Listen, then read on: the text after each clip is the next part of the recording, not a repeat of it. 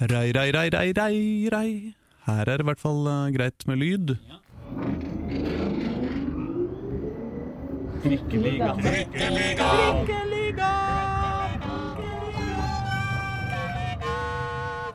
men Da sier vi velkommen til eh, Trikkeligaen episode seks. Eh, Vi spiller inn den ellevte i ellevte i dag. Mest fordi det klinger mye finere enn den tiende i ellevte. Eh, Dermed så kommer denne episoden en dag seinere enn vanlig, og det er selvfølgelig en skandale, men da får vi i det minste, i det minste muligheten til å si ellevte i ellevte om og om igjen. Jeg heter Aslak Borgersrud. Med meg har jeg Reidar Solli. God dag, god dag.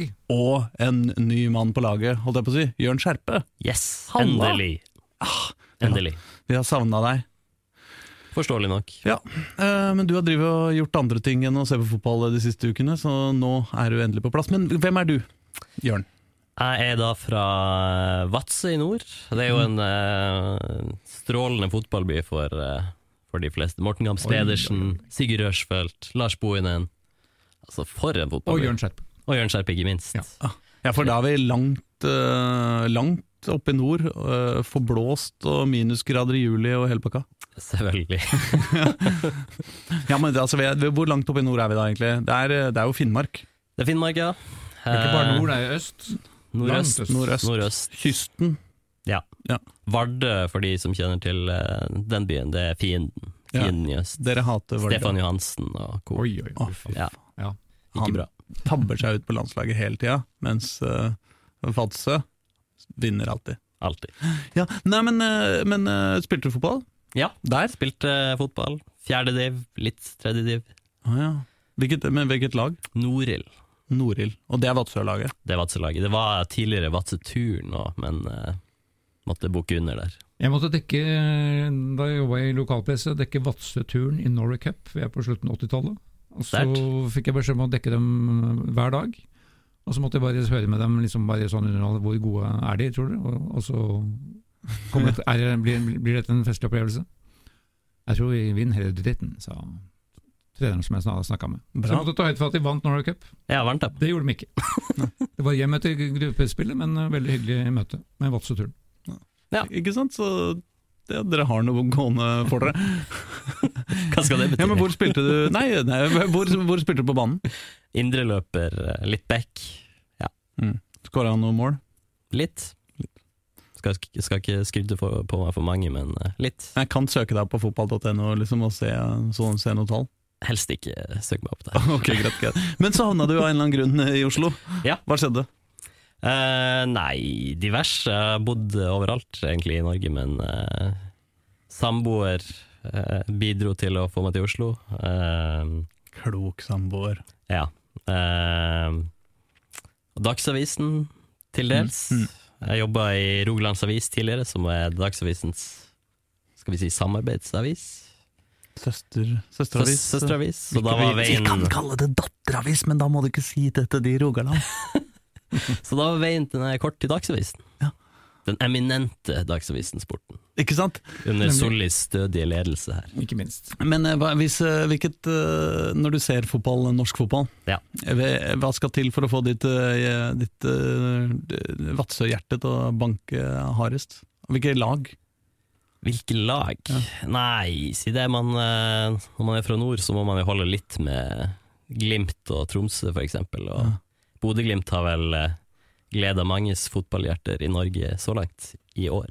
Er du sånn politisk korrekt-aktig nå, eller? Det, det får du tolke som du vil. Ja, men, men, men det er liksom Det er ganske godt stykke fra Bodø til Vadsø. Det er noe mer hundrevis av mil. Ja, Det er korrekt. Men er det stort for Vadsø-folk at Bodø-Glimt blir Nord-Norges første seriemester noensinne?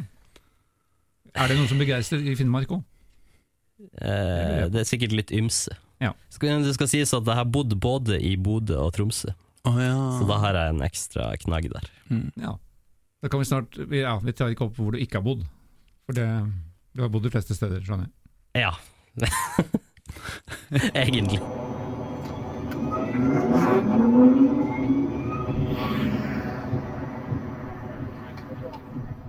Ja, og da har jeg funnet fram en liten kuriositet da, som ingen av oss, eh, selv jeg, var for eh, ung til å oppleve. Vi spoler da tilbake til 9. november 1947. Det er ikke helt på dagen, men det er nesten, for vi holdt jo på en ukes tid. Nært nok. Den gang, eh, Dette var jo for europacupenes tid. Skeid var fersk cupmester. Siste cupfinalen som gikk i Bergen for øvrig, før Ullevål overtok hele alt sammen. Hva? Gikk cupfinalen i Bergen? Ja ja, men, ja, men vi får ikke gjort noe med den nå. Nei, så, nei, nei. Så, sånn, sånn var det bare. Men eh, da var altså Dynamo Moskva, da, Moskva et av de største publikumslagene i Europa. altså Det gikk liksom bare rykter om hvor gode dette russiske laget var. Så De var på turné. Og Da spilte de treningskamp mot Skeid 9.11.1947. Og da ble tidenes publikumsrekord på Bislett satt. Den står ennå. For det da møtte opp 31 525 tilskuere for å se den matchen. Og ifølge den eminente Skeid-boka som kom ut i forbindelse med deres 100-årsjubileum, så sto det da minst 5000 på utsida som ikke kom inn. Og det snødde fra øst og vest, og de måtte finne fram noe sånn eh, midlertidig løsning for å få skifla denne banen. Men eh, Dynamo Moskva rundspilte Skeid og vant 7-0. Oh. Men det var liksom ikke noe Det var bare en del av festen. Det var sånn det skulle være. For dette var som eh, Barcelona Real Madrid i dag. ikke sant? De skal eh, de, Det skulle, skulle ikke være noe jevnt kamp, dette her. Det skulle være en Mm. oppvisning hvordan Mm. fotball skal spilles. Så var det da mm, festivitas og bankett, ikke sant. Og til og med kong Haakon var til stede på kampen. Dette var ikke noe småtteri. Nei. Så har jeg da fått et sitat fra Skeid-avisas referat, da daværende spiller Brede Borgen, senere trener. For disse russerne var litt mystiske, da. Så han, han refererte sitt inntrykk av hvordan det var å, å møte disse folkene, Mhm. som ble sett som, som overmenneskelige. Så da sa han følgende På banketten etter kampen ble vi sittende vis-à-vis våre motstandere. Vi kunne her konstatere at russere er vanlige mennesker. De spiste, drakk, pratet og røkte som oss andre. Deres måte å skåle på var dog noe anstrengende å følge med på. I det hele glassets innhold gikk direkte ned. Sitat slutt. Dette var en uh, stor begivenhet i 1947. Og, og det, det som skaper magien, er jo at ingen av disse kampene altså TV fantes ikke, det var ikke noe se, altså du måtte møte opp for å se Mm. dette her. Og da møtte folk opp. Mm. Og publikumsrekorden blir jo stående. Det er ikke noe Altså, Jeg kan ikke se for meg at Bislett blir bygget ut så den kan romme 32 000. Jeg har vært der på skøyteløp med 28 000. Det er det største publikum jeg har opplevd der. Jeg tror Raymond skal slekke, slekke litt grann på koronareglene også før, Ja, før det blir aktuelt. Neste stopp Nordre Åsen. Ok, Vi må gå til det som kanskje var høydepunktet for Oslo-fotballen i, eh, i helga, nemlig at et Oslo-lag eh, gjorde seg fortjent til eh, opprykkskvalik. Jeg er litt i tvil om det var høydepunktet, i og med at du hadde et Oslo-derby på, oppe på Gringsjå. Ja da, det var mye fint, men eh, det er jo i hvert fall mange i Skeid som, eh, som jubla veldig høyt i helga. Det må vi Ja da, kanskje vi, kunne slå fast. vi skal ta den. Eh, Skeid slo Tromsdalen 1-0 inne, i- Valhall. Mhm. Sannsynligvis den siste hjemmekampen de har i Valhall, for nå er jo det blitt ek- eksamensområde i denne flerbrukshallen, som er veldig allsidig. Ikke sant? Dessuten er det ikke lenger lov å spille fotball innendørs med publikum. Så Skeid vender nå Ja, de, de vant da 1-0 med toppskåreren Jonny Budøsson igjen, som, som avgjorde. Det betyr at Skeid er kvalifisert for um, kvalifisering til opprykk, som er en uh, omstendelig affære. Altså, de skal da møte lag nummer to i den andre avdelingen først. Mm. Men det blir jo ikke klart før om to runder, for det gjenstår jo to serierunder i dette såkalte sluttspillet. Mm. Så de to siste kampene for seg blir rene treningskamper. De kan bare surfe gjennom og kose seg. så skal de da møte um, toeren i den andre avdelingen i dobbeltkamp rundt månedsskiftet. Og så vinner de den duellen, så blir det da um, kamper mot det tredje siste laget i Obos-ligaen. Og når Obos-ligaen blir ferdig, det er det jo ingen som veit, men de, de håper jo på at den blir avslutta i begynnelsen av desember, da. I. Mm. Men um, Zaid gjorde da det de skulle, og vender da tilbake til Nordre Åsen kommende lørdag. Da de møter Fredrikstad, som allerede har vunnet, vunnet den ligaen og rykker rett opp til Obos-ligaen. Mm. Der jeg syns de absolutt hører hjemme. Eh, De møtes på, på Nordre Åsen på lørdag til en kamp som da isolert sett ikke betyr noen ting. Er ikke for noen av laga. Ikke for noen av laga, Det er litt, det er litt spesielt. Det burde jo vært rett og slett finalen om, om, om å vinne den avdelingen, den kampen der. Mm. Slik ble det ikke. Så har Lars Fredrikstad benytta denne uka til å hente en av Skeids største talenter, Taufik Ismahel, som har hatt sitt lille gjennombrudd i Skeid i år. Oh, ja. Han spiller nå i Fredrikstad de neste tre sesongene. Oh, ja. Og det er jo fordi at uh, Skeid er jo den økonomiske situasjonen at de må hanke inn penger der de kan få dem. Og da selger de unna sine største talenter. Tror du det er noe penger involvert i en sånn Litt. transaksjon? Litt grann er det nok. Ja. Fredrikstad har ambisjoner, og de bygger seg opp. De skal ikke bare til Obos-ligaen, de skal til Eliteserien. Mm. Om denne mm, veldig lovende 19-åringen eh, kommer inn på laget der, det gjenstår å se, men at, at han er et utvilsomt st- stort talent. Og da er vinner. Skeid eh, nok penger til å kjøpe eh, åtte tonn til med, med gummigranulat eh, som de kan ha i, i kunstgresset på Nordre Åsen. For alt tyder på at Nå er jo det, nå er vel gummigranulat blitt forbudt snart, da? Har det i ferd med å bli forbudt? Det er jeg ikke helt sikker på. Men, Ja, det kommer noen sånne nye regler, ser det ut til, men det er vel på nye baner. Jeg Ja, tror at uh, fortsatt så skal det kunne være gummigranulat på de banene som har gummigranulat i dag. Men føljetongen om Nordre Åsen fortsetter da å rulle videre, parallelt med Skeids uh, sportslige suksess. Ja, Eh, fordi mm, banen er da midlertidig godkjent av Fotballforbundet til at den kan spille, brukes til andredivisjon. mm. Men så skal den da harves opp eh, før denne kampen Det var det eneste som gjensto før kampen mot Fredrikstad. Mm. Det har visstnok dette firmaet som holder på der, ikke tid til å gjøre før eh, lørdagens kamp. Så da, det er utsatt til neste uke. Så da kan det bli opp til dommeren på lørdag om han, om man godkjenner denne banen eller ikke. Og så får vi Skeid se videre hvor de da skal spille hjemmekamp i kvalifiseringen. Den, det er da et åpent spørsmål fortsatt. Ja, fordi vi- Hvis man spiller kvalifisering om opprykk eh, eller nedrykk, altså eh, mot et Obos-lag Nei, eh, altså ja, spiller man da etter førstedivisjonregler eller annendivisjonregler? Ja, det er et veldig godt spørsmål. Er det, er det en Obos-ligakamp? Man spiller da midt i desember med for dårlig lys, og de hadde ennå ikke testa undervarmen, om den virker der. For Det var de litt usikre på etter at alt arbeidet som har foregått. Så føljetongen Skeid handler ikke bare om sport, men også om bane. Vi gleder oss. Gunnar, kan du skru på varmekablene? Uff a meg. Har du noe trua på, eh, på Skeid, eh, Jørn? Eh, hva skal man si, Reidar? Tror du hun kommer til å greie å rykke opp? Ja, det, det er helt åpent spørsmål. Eh, Ja. Altså, jeg har ikke vurdert disse andre andrevisjonslagene. De møter antagelig Vard, Haugesund, Egersund eller Asker. Det er, vel, Mm. det er vel de som kniver om den andreplassen i den andre avdelingen.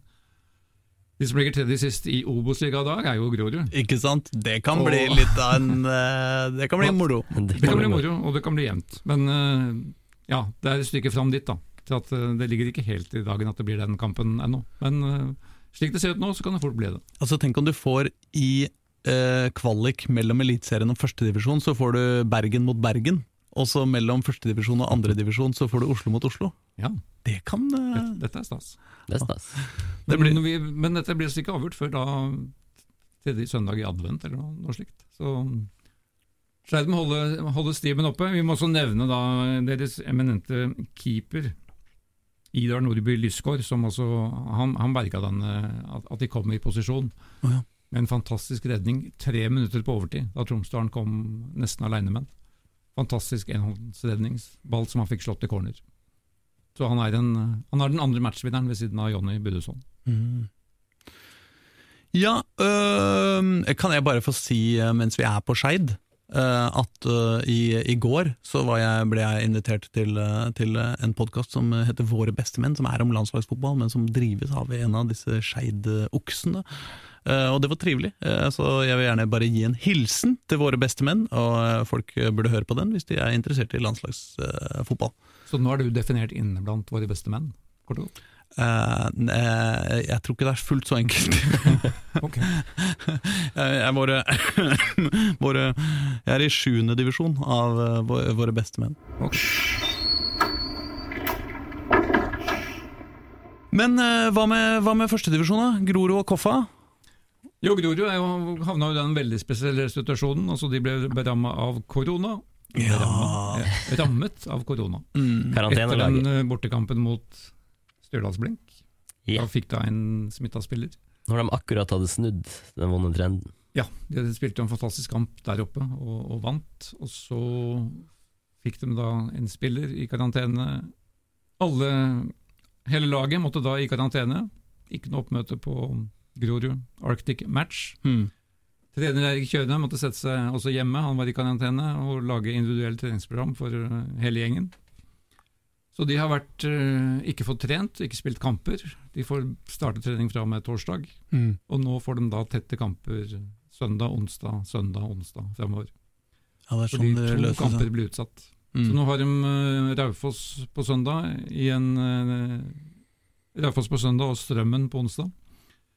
To veldig viktige kamper. Med, de ligger jo som sagt på kvalikplass og må skaffe seg mer poeng for å berge plassen. Det er det alt handler om på Grorud. Mm. Og hvordan slår det ut å være, sitte på sofaen i en uke? Det vil jo vise seg. Ja, sånn, Eirik Kjøne stoler på at de har fulgt treningsprogrammet hans. nå. sånn fysiologisk sett, du som har ekspertisen der, Eidar, hvordan slår det ut å ha ti kan- dagers pause i, i Det kan slå begge, begge veier. De kan få samle seg et kolossalt overskudd. Eller? Eller de fortsetter sofatilværelsen også på banen, men jeg tror ikke det. Dette er unge, sultne spillere som veit hvor, hvor, hvordan situasjonen er. Så her, eh, jeg, jeg tror ikke det spiller noen stor rolle sportslig for Grorud. Nei, men det er jo litt forskjell på å bare drive egentrening og på å trene sammen med et lag, da, skulle du tro. Det blir ikke mye samhandling, samhandling av det, nei. Nei. Og ikke Men minst som, uh, Kjønes frykt, hamstring og lyskeskader etter ti dagers pause. Ja, Men han peker da på at de hadde samme runde her i, i, på forsommeren, uh, hvor de også fikk trent på å trene i karantene. Mm. Eh, det, noen sier jo dette er konkurransevridende, og det er jo selvfølgelig også at et lag ikke får, får trent. Men Mm. eh, slik er nå 2020. Mm. Det er, eh, relativt uforutsigbart.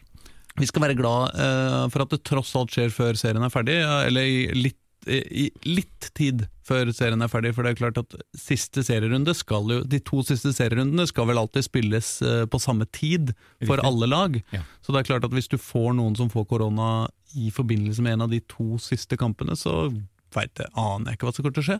Nei, da kan, da kan det i verste fall bli utsatt til neste år. Eh, Ja, At de utsetter hele runden, rett og slett. Ja, det, ja det, dette, dette har vi ikke avgjort. Nei. NFF toer sine hender og håper at dette ikke skjer.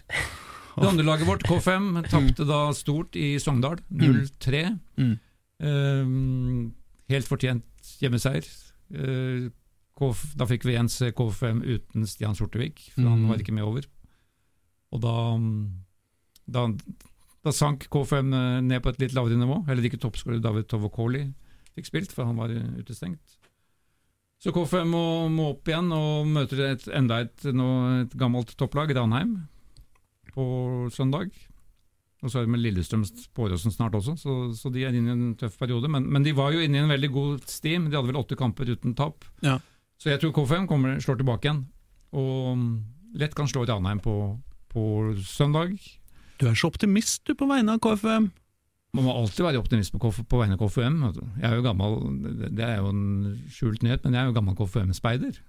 Er du det? Det er jo en veldig, veldig Dette, dette ligger veldig langt bak i tid. Det høres ut som en uh, tvilsom dobbeltrolle, spør du meg. Ja, det kan du godt si. Det, det, det var, vel, var vel et element av det også der inne. Men, men det har jo for så vidt ikke noe med dagens Nei, men Det er ikke så mange KFM-speidere i spillerstallen til Grorud og Jørgen Isnes, tror jeg. Men, eh, men eh, nei, altså Sportslig så er det toppnivået til KFM matcher også, også de beste lagene i Obos-ligaen. Ja, men Fortell om da du var speider for KFM, da. Jeg var oter. Altså, I i speideren så har man jo patruljenavn etter Å, dyr. sånn speider! Var- Du var, i, du var i speideren, alltid beredt. Du var ikke beredt, ja. fotball, du var ikke du scout. Du tenkte begge. på, du tenkte på scouting, du? Ja! Be- Jeg tror begge vi Nei da, jeg var i patrulje Du, oter. du Og var det en var noe sånn helt annet. speider. Ja, ja, ja. Men da kan vi vel kanskje bevege oss videre til, eh, til eh, um, Hva heter det oppe på vestkanten der? Ved Sognsvann? Kringsjå. Kringsjå. Lørdag klokka ett, var det ikke det? Eller var det klokka to? Det var klokka ett. Lyn mot Vålerenga. Topp, eller bunn mot topp, og skikkelig avgjørende kamp i begge ender. Vålerenga spilte nesten for uh, seriegull. Fått en, var i ferd med å få en skikkelig sånn uh, Skikkelig gratis sjanse når Rosenborg snubla på hjemmebane. Men Dette var vel et kamp som vi i tidligere, tidligere utgaver av denne podkasten advarte ganske heftig mot. Men vi gjorde At det for ville Vålerengas være en snublestein for uh, Vålerenga, akkurat den kampen mot Lyn borte. Mm. Og hva skjedde? Det, jo, det, var jo en, en fantastisk kamp isolert sett, med en dramaturgi som var sjelden. Han hadde fortjent eh, 15 000 minst på, på tribunene. Mm. For det var jo ja, fotballdrama på sitt uh, mest intense, og akkurat som disse derbyene mellom gutte, da gutta møttes tidlig på 2000-tallet. Mm. Lyn gikk som regel seirende ut. Ja, de gjorde, de gjorde det. De gjorde det. De ødela jo for, for Vålinga en del på, på disse massive derbyene som er 20 000 på Ullevål i, mellom 2000 og 2010. Mm. Nå fikk vi et, tilsvarende dramatisk oppgjør blant jentene, og det var jo veldig morsomt å være til stede. Eh, kanskje ikke for deg som var VIF-supporter eh, som sto i blåsten retning Sognsvann, skjønte jeg. Ja, ja, jeg ble foraktfullt kalt Miniklanen eh, i Dagsavisens eh, spalter av en herr Reidar Solli. Nei da, ja, jeg, jeg tenkte at for en gangs skyld så skulle jeg prøve å Prøve å, altså Det var jo Jeg liksom sjekka denne banen litt på Google, eh, Google Maps, og det så jo ut til at eh, her burde det være mulig å bare stikke opp en tur og, og se på. Så jeg og en slektning eh, dro opp der og fant oss en plass bak, eh, bak målet til Lyn. Fikk litt kjeft av en mannevond keepertrener før, eh, før kampen, men vi, eh, ellers så var det veldig, veldig hyggelig. Det, det var noen paller som lå slang der, så det var en veldig sånn koronagodkjent situasjon med én mann ved én pall. Um, så vi var da en Det var vel en eh, ja, jeg tror det var eh, rundt ti eh, bortesupportere, kanskje 15, eh, som sto der. Og noen hadde litt flagg og sang litt og alt mulig. Og vi hadde jo da glimrende utsikt eh, til eh, eh, til Vålerengas mål i første omgang, og, og Lyns eh, mål i andre. Skrev jo Nei, unnskyld, omvendt. Ja, Nei, nei, det var sånn det var. Nei, Vålerengas mål i Ja, det, samme det. men som jeg skrev, det var jo, det var jo bare dere vi hørte, vi som eh, sto på andre sida av, av banen. Altså, jeg vet ikke hva som var feil med Lyns publikum, men det var bare 145 tilskuere der. Det skulle jo vært 200. Ja. Kampen var jo utsolgt. Ja, det, det, Jeg prøvde å kjøpe billett på forhånd, og den var, eh, Og det var utsolgt. men det var jo helt stille på den hovedtribunen. Ja. Vi hørte ingen, ingenting før eh, 57 minutter, da, da Lyn skåra. Ja. Men eh, klanen, jeg kalte det miniklanen, for den, det var ikke så veldig mange av dere. Nei men, da, nei men det var veldig synlige og veldig hørlige, og det var, det var, var trivelig. Sorry. Men jeg fikk jo da glimrende utsikt til eh, det første som eh, skjedde i kampen, holdt jeg på å si, nemlig at eh, Lyn fikk en, et straffespark som var svært tvilsomt. Ja, det var vel ikke det første som skjedde, for Janni Thomsen hadde jo gitt Vålerenga ledelsen rett, Ja, rett, før, eh, rett før pause. Ja, Og da, og da, da var jo liksom holdningen rundt det at nå går dette Vålerengas vei, og da var denne kampen kjørt, liksom. mm. Og så, kom, så starta andre omgang med det var nesten 100 ballbesittelse, Vålerenga. Mm. Det var et ensidig, ensidig press mot Lyn, men det var jo et helt bevisst taktikk av Lyns side, å legge seg lavt. Mm. Og så satse på det som er deres sterke kort, og som jo har gjort dem til et av de beste lagene i Norge på kontringer. Hvor da Camilla Lindberg fikk ballen, hun snappa vel opp en tversoverpasning fra Vålerenga. Mm. Satte fart, og inn i, i Vålerengas eh, 16-meter, hvor da hun blir i mine øyne klokkerent takla av Ingebjørg Sigurdardottir. Mm.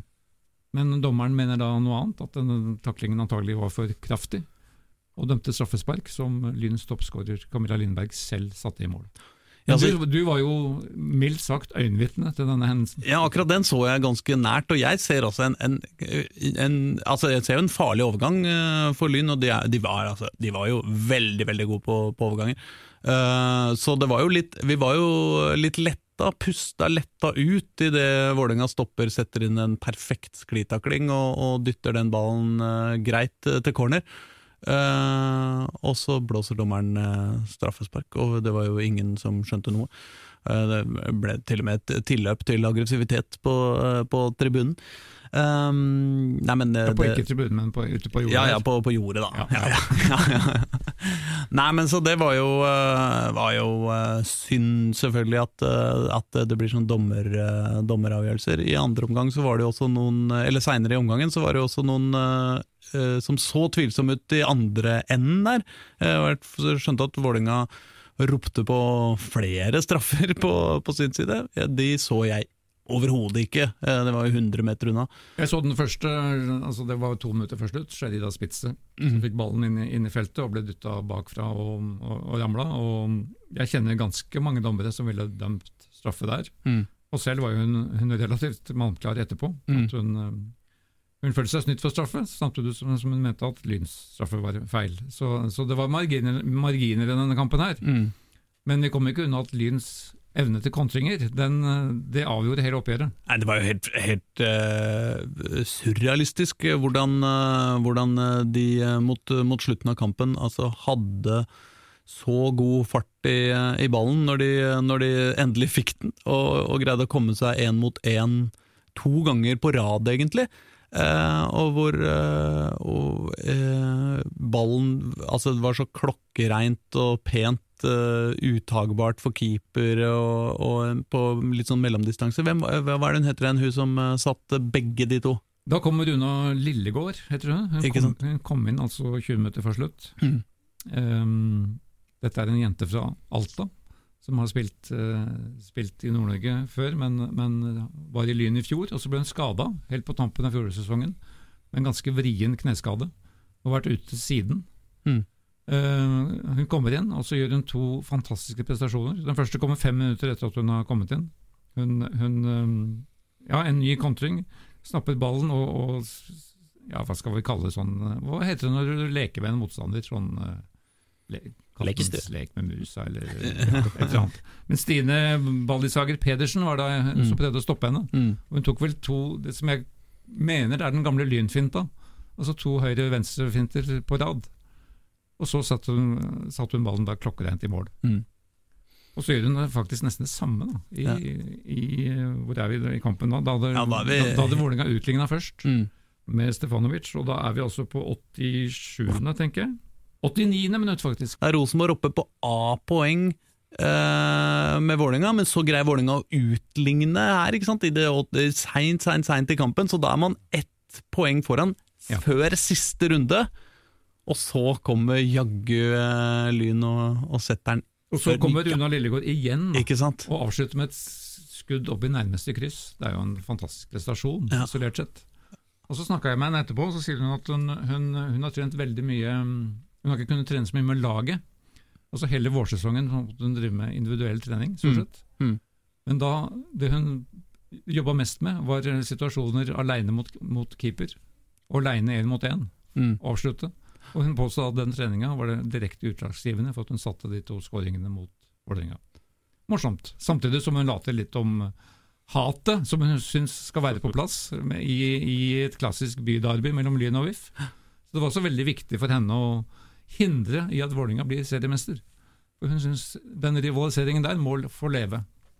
Og, og slik, eh, altså i, i positiv forstand, men hun, hun vil ha fram eh, ja, enda mer trøkk i disse derbyene mellom Lyn og Vålerenga. Dette betyr at førstkommende søndag klokka ett så skal toppserien avgjøres, og for første gang på fryktelig lenge blir det ikke LSK kvinner som skal holde en høy, en eh, diger pokal i lufta etterpå, men det blir ett av tre lag! For Vålerenga har nå teten med 35 poeng og 21 plussmål. På andreplass ligger Rosenborg med også 35 poeng, men bare 18, nei, 17 plussmål. Og på tredjeplass ligger Avaldsnes på ett poeng bak. Hvis Vålerenga vinner mye, så vinner Vålerenga serien. Ja. Men Rosenborg spiller mot Borte mot Klepp. Rosenborg spiller borte mot Klepp. Og det er en kamp som Rosenborg godt kan vinne, og godt kan vinne mye hvis de må. Vålerenga spiller hjemme mot Arna-Bjørnar. Det er en kamp som Vålerenga bør vinne, og som Vålinga, jeg tror Vålerenga har vunnet 3-0 over dem de to siste oppgjørene. Så det er fullt mulig å, å komme opp i i masse plussmål for Vålerenga også.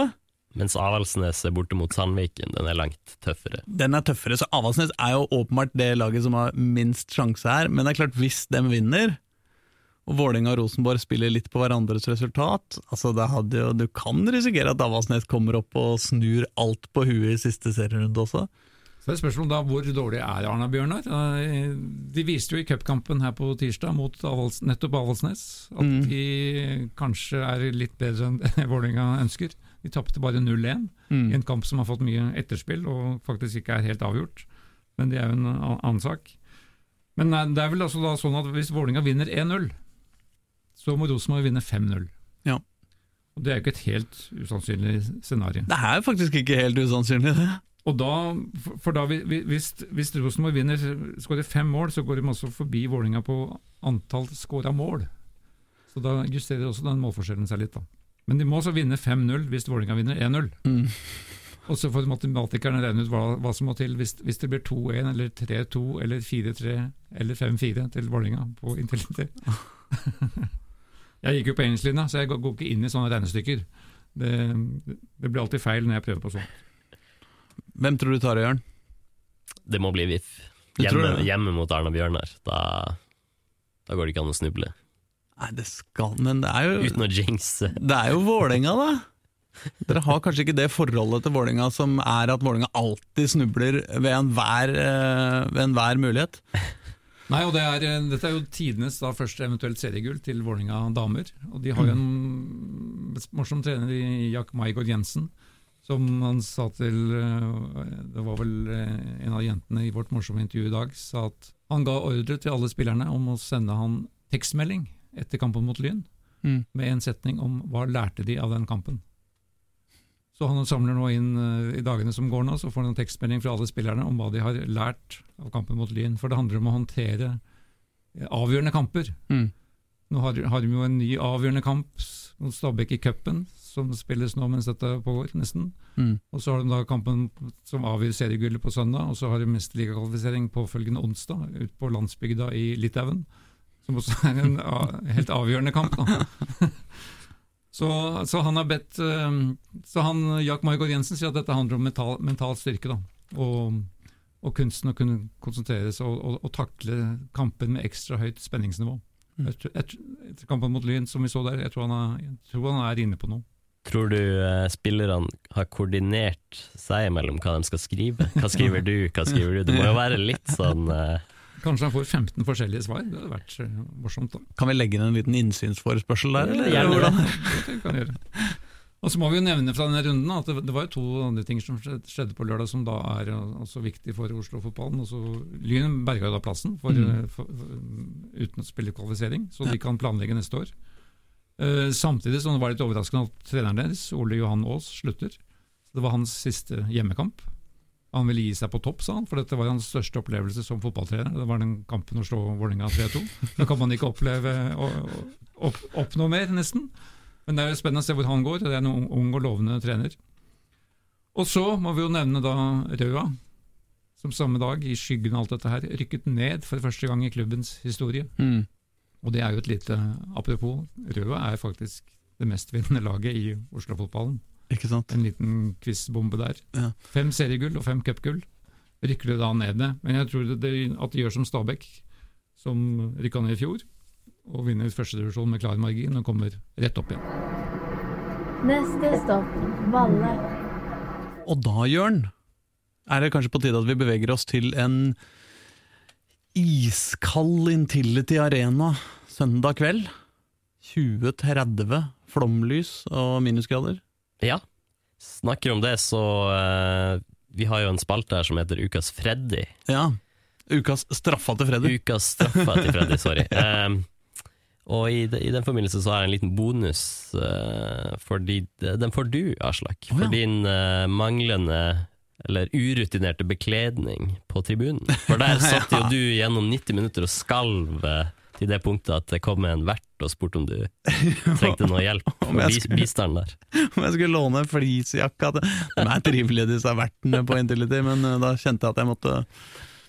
Men, men du innså vel idet du kom ut på tribunen at her har jeg tabba meg ut? Ja, det var, eh, det var kjølig, altså. Ja. Genser, ingen hanske, ingen eh, Det var lite. Nei, det, det, jeg støtter deg. Jeg tar den. Jeg tror jeg tar, jeg tar straffa til Freddy denne uka. Nei, men kampen, da! Kampen var bedre. Ja, det blei jo hjemmeseier 2-0 mot uh, Dag Eilevs uh, nemesis. Eller tidligere lag. eventuelt. Så da er de endelig foran Odd på tabellen. Det er jo ikke noe opplagt situasjon, men nå har de endelig klart det. Ja. Og nå har de los på medalje. A-poeng med Rosenborg, to poeng bak Molde. Utnytta at Molde og Rosenborg avga poeng. Mm. Ekstremt viktig trepoenger. Hva syns du om kampen? Det var jevnt, men uh, det er vel som uh, Jonathan Tollås uh, beskrev det. To jevne lag, ganske lik spillestil, men uh, Vålerenga har X-faktoren som Odd mangler. Mm. De individuelle ferdighetene med Osame og Dønnum og co.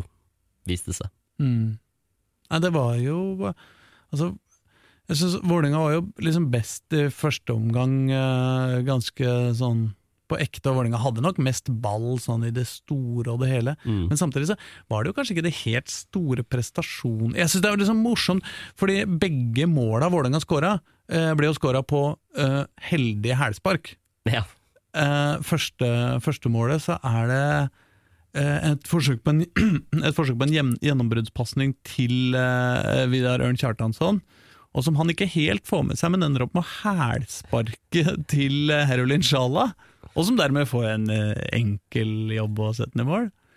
Men i andre omgang så tror jeg kanskje det var litt mer tilsikta, egentlig ganske perfekt, og da er det Eh, da er det Borchgrevink fra høyre som sender en, en lav, et lavt innlegg inn mot Odin Tiago Holm, som Mm. greier å sette liksom beinet og, og sperre eh, motstanderens eh, forsøk på å klarere, samtidig som han hælsparker ballen videre til Matti Williamson som setter den. Mm. Det er jo egentlig perfekt, og så kan vi lure litt grann på hvor, hvor eh, med vilje det var.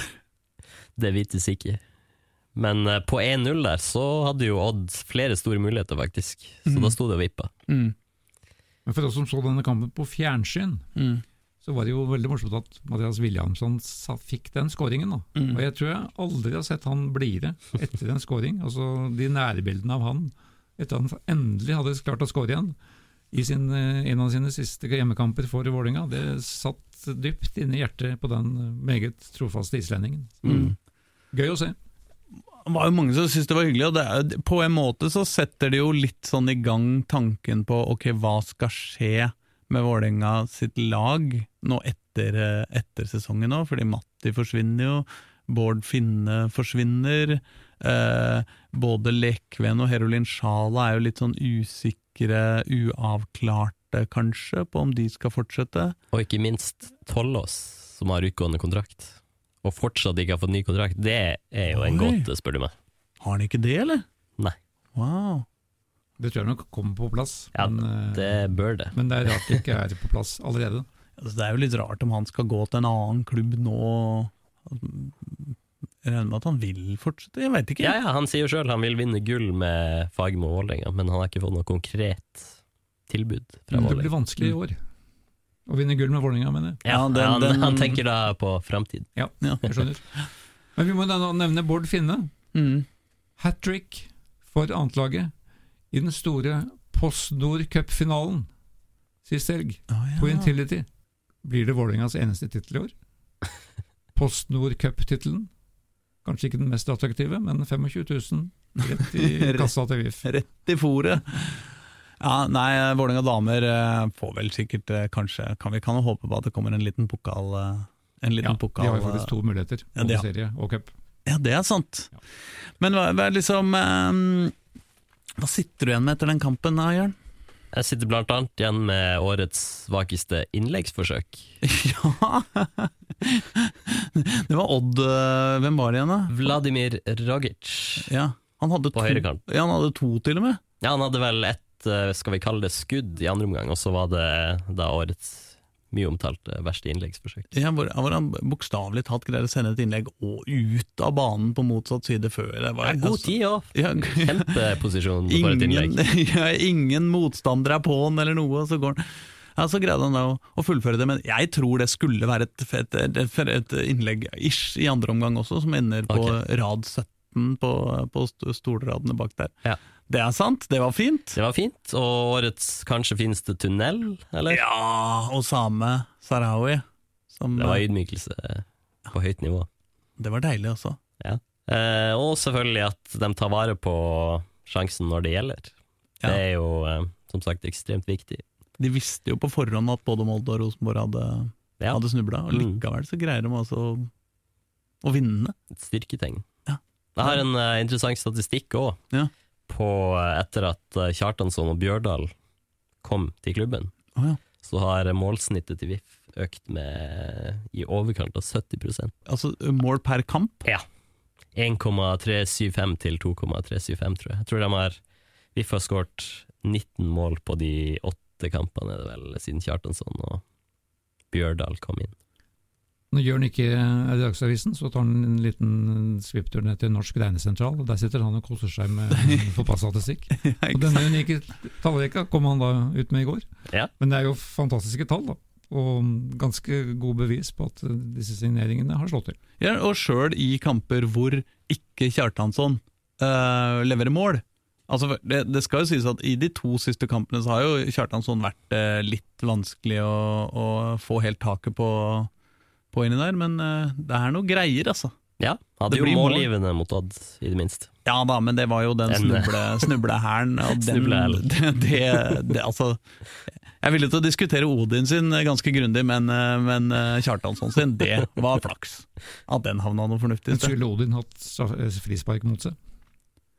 Jeg ser den ikke sånn i det hele tatt. Jeg ser det som at Odin skulle hatt straffe hvis, han, eh, hvis den ballen ikke hadde gått i mål. Eh, For jeg mener han er foran eh, ballen, og på en måte setter jo foten sin mellom motstanderen og ballen. Eh, Men det er jo lov. Ja da. Og så blir det jo feid ned rett etterpå. Ja, på TV ble det litt diskutert om det burde vært frispark andre veien. Folk på TV, vet du. Ja. Skjønner ingenting. Nei, jeg, jeg, jeg skal ikke det, Men det er, det er min mening. Ja. Jeg er eh, uenig.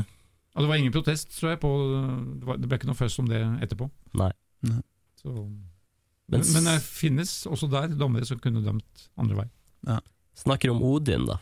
Eh, Osame Sarawi har jo fått sitt definitive gjennombrudd. Men det var kanskje mange som eh, tenkte at også Odin skulle få sitt gjennombrudd. Nå har han jo kommet på den mye omtalte Guardian-talentlista. Ble invitert på prøveopphold av Juventus i fjor. Mm.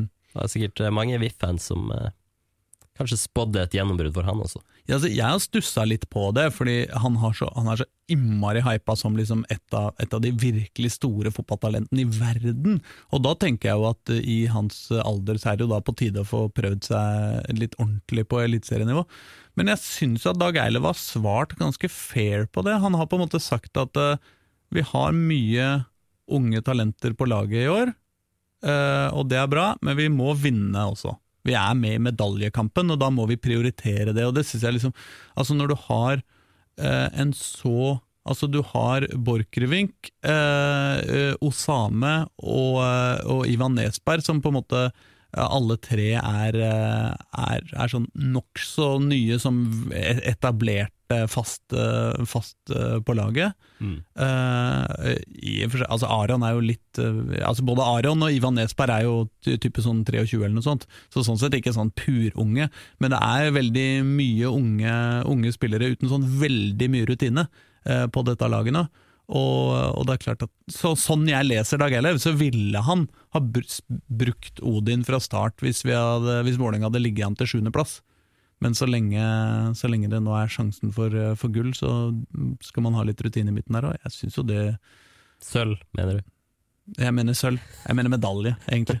Eh, Nei, Jeg tror, tror Odin Tiago Horn kommer, eh, hvis han får litt mer muskler og så får litt mer selvtillit og, og våger litt mer, som han har vist litt mer på annetlaget. mm, Hvis du husker Sander Berge, da han var i den første sesongen hans i, i Vålinga, mm, så hadde han noen veldig rykk bakfra, og klarte å passere flere ledd bare med de klyva sine. mm. Odin har litt av det samme, sånn, han har en helt annen, en helt annen fysikk enn en Sander Berge.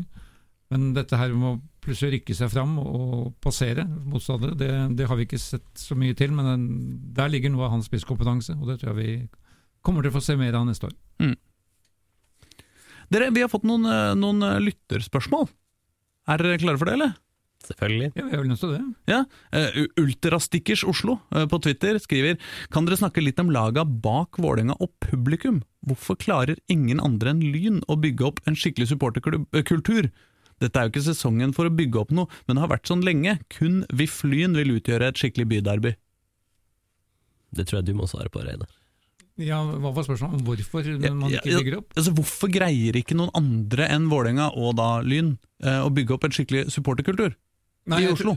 Jeg vil tro at en, jeg vil jo være litt uenig i premissen, men jeg syns jo Skeid-oksene skaper en viss kultur på, på Skeids kamper. Der, mm. der hører man i hvert fall at det skjer noe. Mm. Det er ikke så mange av dem, men, men de, de har en kultur fordi klubben har en kultur i, bak seg. Mm. Et kamprop som er fra 1947, tror jeg. Sasa sa bra, bra, bra. Det kan vi komme tilbake til en annen gang. Men jeg har stussa litt med det samme på altså KFM. Og Grorud burde jo klart det samme. KFM har vel en gruppe som heter Profetene? Ja, det er noe sånt. Ja. Men, eh, men eh, ja, de er ikke veldig hørbare, men, men den yngre garde der, der det jobber, jobber de bevisst med. Og de har iallfall vært hørbare på noen av KFMs hjemmekamper. Det er klart det er langt igjen til den supporterkulturen som, som er rundt, rundt VIF og, og Lyn. Eh, Grorud syns jeg kanskje er enda rarere, altså, for de kunne for så vidt skapt noe helt nytt Mm. i Groruddalen, og det eneste laget som er i toppen. Og mm, en ulmende interesse for laget, men det er altfor stille på Groruds hjemmekamper.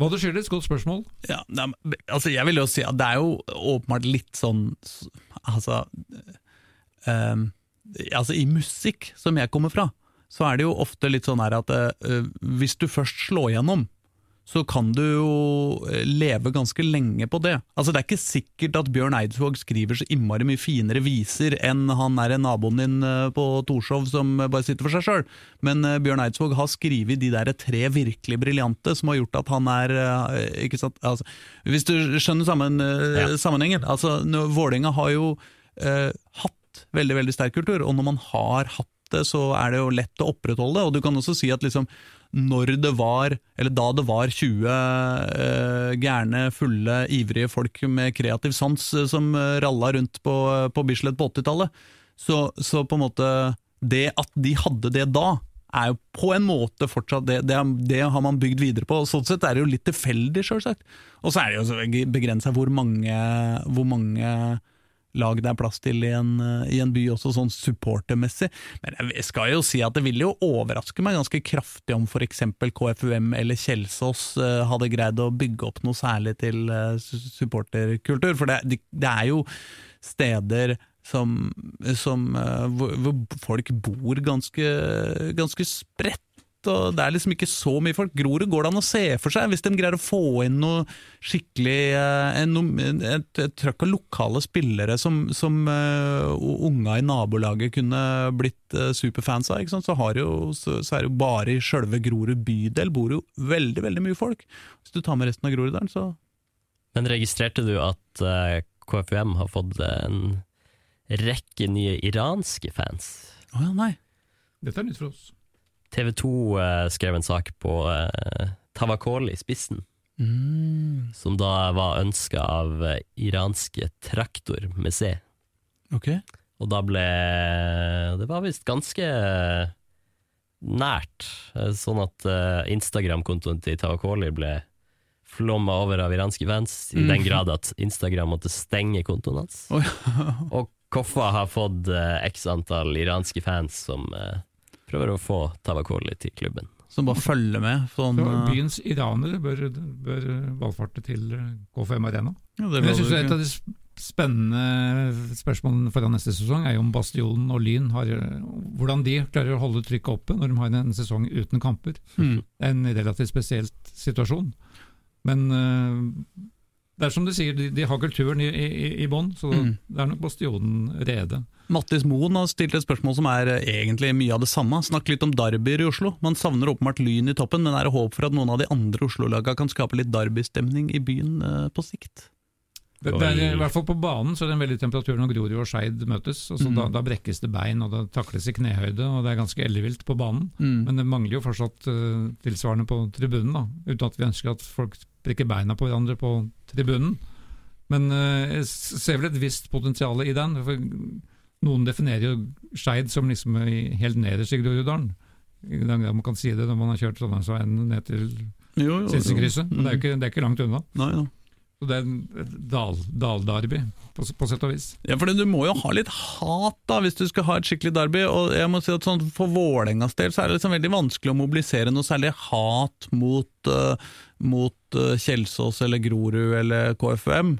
Nei, så disse, det var jo KFM og, og Vålerenga i noen cupoppgjør eh, noen ganger de siste åra. Mm. det har ikke vært noen hatstemning liksom, i de oppgjørene på, på Ekeberg. Nei, det har jo ikke det. vanskelig å hate KFM, liksom. Det er, um... Ja, du kan liksom flire litt beskjemt uh, hvis, du er, uh, hvis du er litt uh, ondsinna anlagt, men, men noe sånn veldig til hat, det tror jeg ikke ja, altså, Det kan gå an kanskje å se for seg at uh, at, uh, at uh, altså Hvis Kjelsås skulle greie å, å, å få til noe igjen, da, så, så det er vel der mot Skeid, Kjelsås, Skeid De er såpass til naboer at de godt kan, kan finne på å hate hverandre litt på ekte, tror jeg. ja, det er jo trikkeligaens fremste lag sånn sett. Det er jo fire trikkestopp mellom, mellom Skeid og, og Kjelsås. Og det har vært høy temperatur i de også der på banen, da, mellom, de klubbene. Men, eh, men det er som du sa, supporterkulturen på Kjelsås, der har de litt å gå på. Og, og Grorud og Koffa, som nå jo er tross alt spiller mot hverandre stadig, der er det altfor jovial stemning når de møtes. eh, så der, det blir ikke noe Der er det Ja, Der er spillerne venner og trenerne venner, og alt, alt er bare kos. ja. Var ikke det temperatur mellom eh, Koffa og Skeid da Nordli versus Isnes var en greie, eller? Jo, det kan man trygt si. Altså, nå, nå ble det jo temperatur rundt de fleste lag. Som, når, Tom Nordli leder et lag, da, så blir det jo temperatur uansett. Så Mm. mm. spiller mot. For Han går jo i dialog med både motstandernes trenere og spillere, og gjerne publikum. Så der eh, Ja, kanskje han bør inn på banen igjen. Vi må gjennom eh, ukas eh, prestasjon og ukas eh, straffa til Freddy. Skal vi begynne med det, det, med det vonde, da? Eh, Reidar, hvem er det som har gjort den største tabba i Oslo-fotballen i, eh, i denne uka? Ja, nei, Vi har jo vært snille med, med dommerne her, da, men det har vært litt diskusjon om da mm, Sara Sangemes innsats på Kringsjå på lørdag. Hun Ja. representerer da Nordstrand, som da selvfølgelig også er en tradisjonsrik Oslo-klubb. Og det er klart, eh, når både Vålerenga og også Lyns trenere er helt enige om at eh, straffesparket Lyn fikk var feil idømt, så må man iallfall ta det til seg og, og analysere situasjonen og se om, om man har gjort det riktig eller ikke. Og så respekterer vi selvfølgelig at dommerens avgjørelse der og da, den er alltid vrien, men, men det var i de fleste øyne en, en åpenbar feil. Vi kan alle Og- gjøre feil, men eh, vi kan alle risikere å bli hengt ut eh, som eh, ukas straffa til Freddy også. Ja. Det må vi tåle. Eh, ukas prestasjon, da? Hva kan vi si er det beste noen Oslo-fotballspillere har gjort? Men det er jo veldig mye som har skjedd på Kringsjå denne, denne helgen. Men Ja. det er jo, vi kommer ikke unna Runa Lillegård, syns jeg. Og hennes både 1 og 2-0, nei ikke 2-0, men hennes to skåringer mot, uh, mot Vålerenga var i seg selv så gode prestasjoner at hun er kraftig kvalifisert til den lille tittelen. Og når du i tillegg kommer rett fra benken og gjør det i et lokaloppgjør mot erkefienden Som kan vinne gull, oh. samtidig som du selv berger plassen. Det, det lå mye i potten i de to prestasjonene der. Det gjør det, altså. Bonus fra, for å være fra Finnmark i tillegg, selvfølgelig. Ja, det- dere er jo fra Dere er jo gamle naboer, sikkert. Kjenner hverandre godt. eh, Ja, hun jeg er er bare seks er timers biltur unna. Ja. Ja, ja, det var ingenting. Nei, men Da tror jeg vi takker for oss, jeg. Hør på oss eh, neste uke også. Da er jo eh, toppserien avgjort innen neste gang. Herre min hatt, hvordan skal vi Det blir spennende. Det Blir gull, det. Det blir gull. Det blir gull. Ha det! Ha det. Ha det.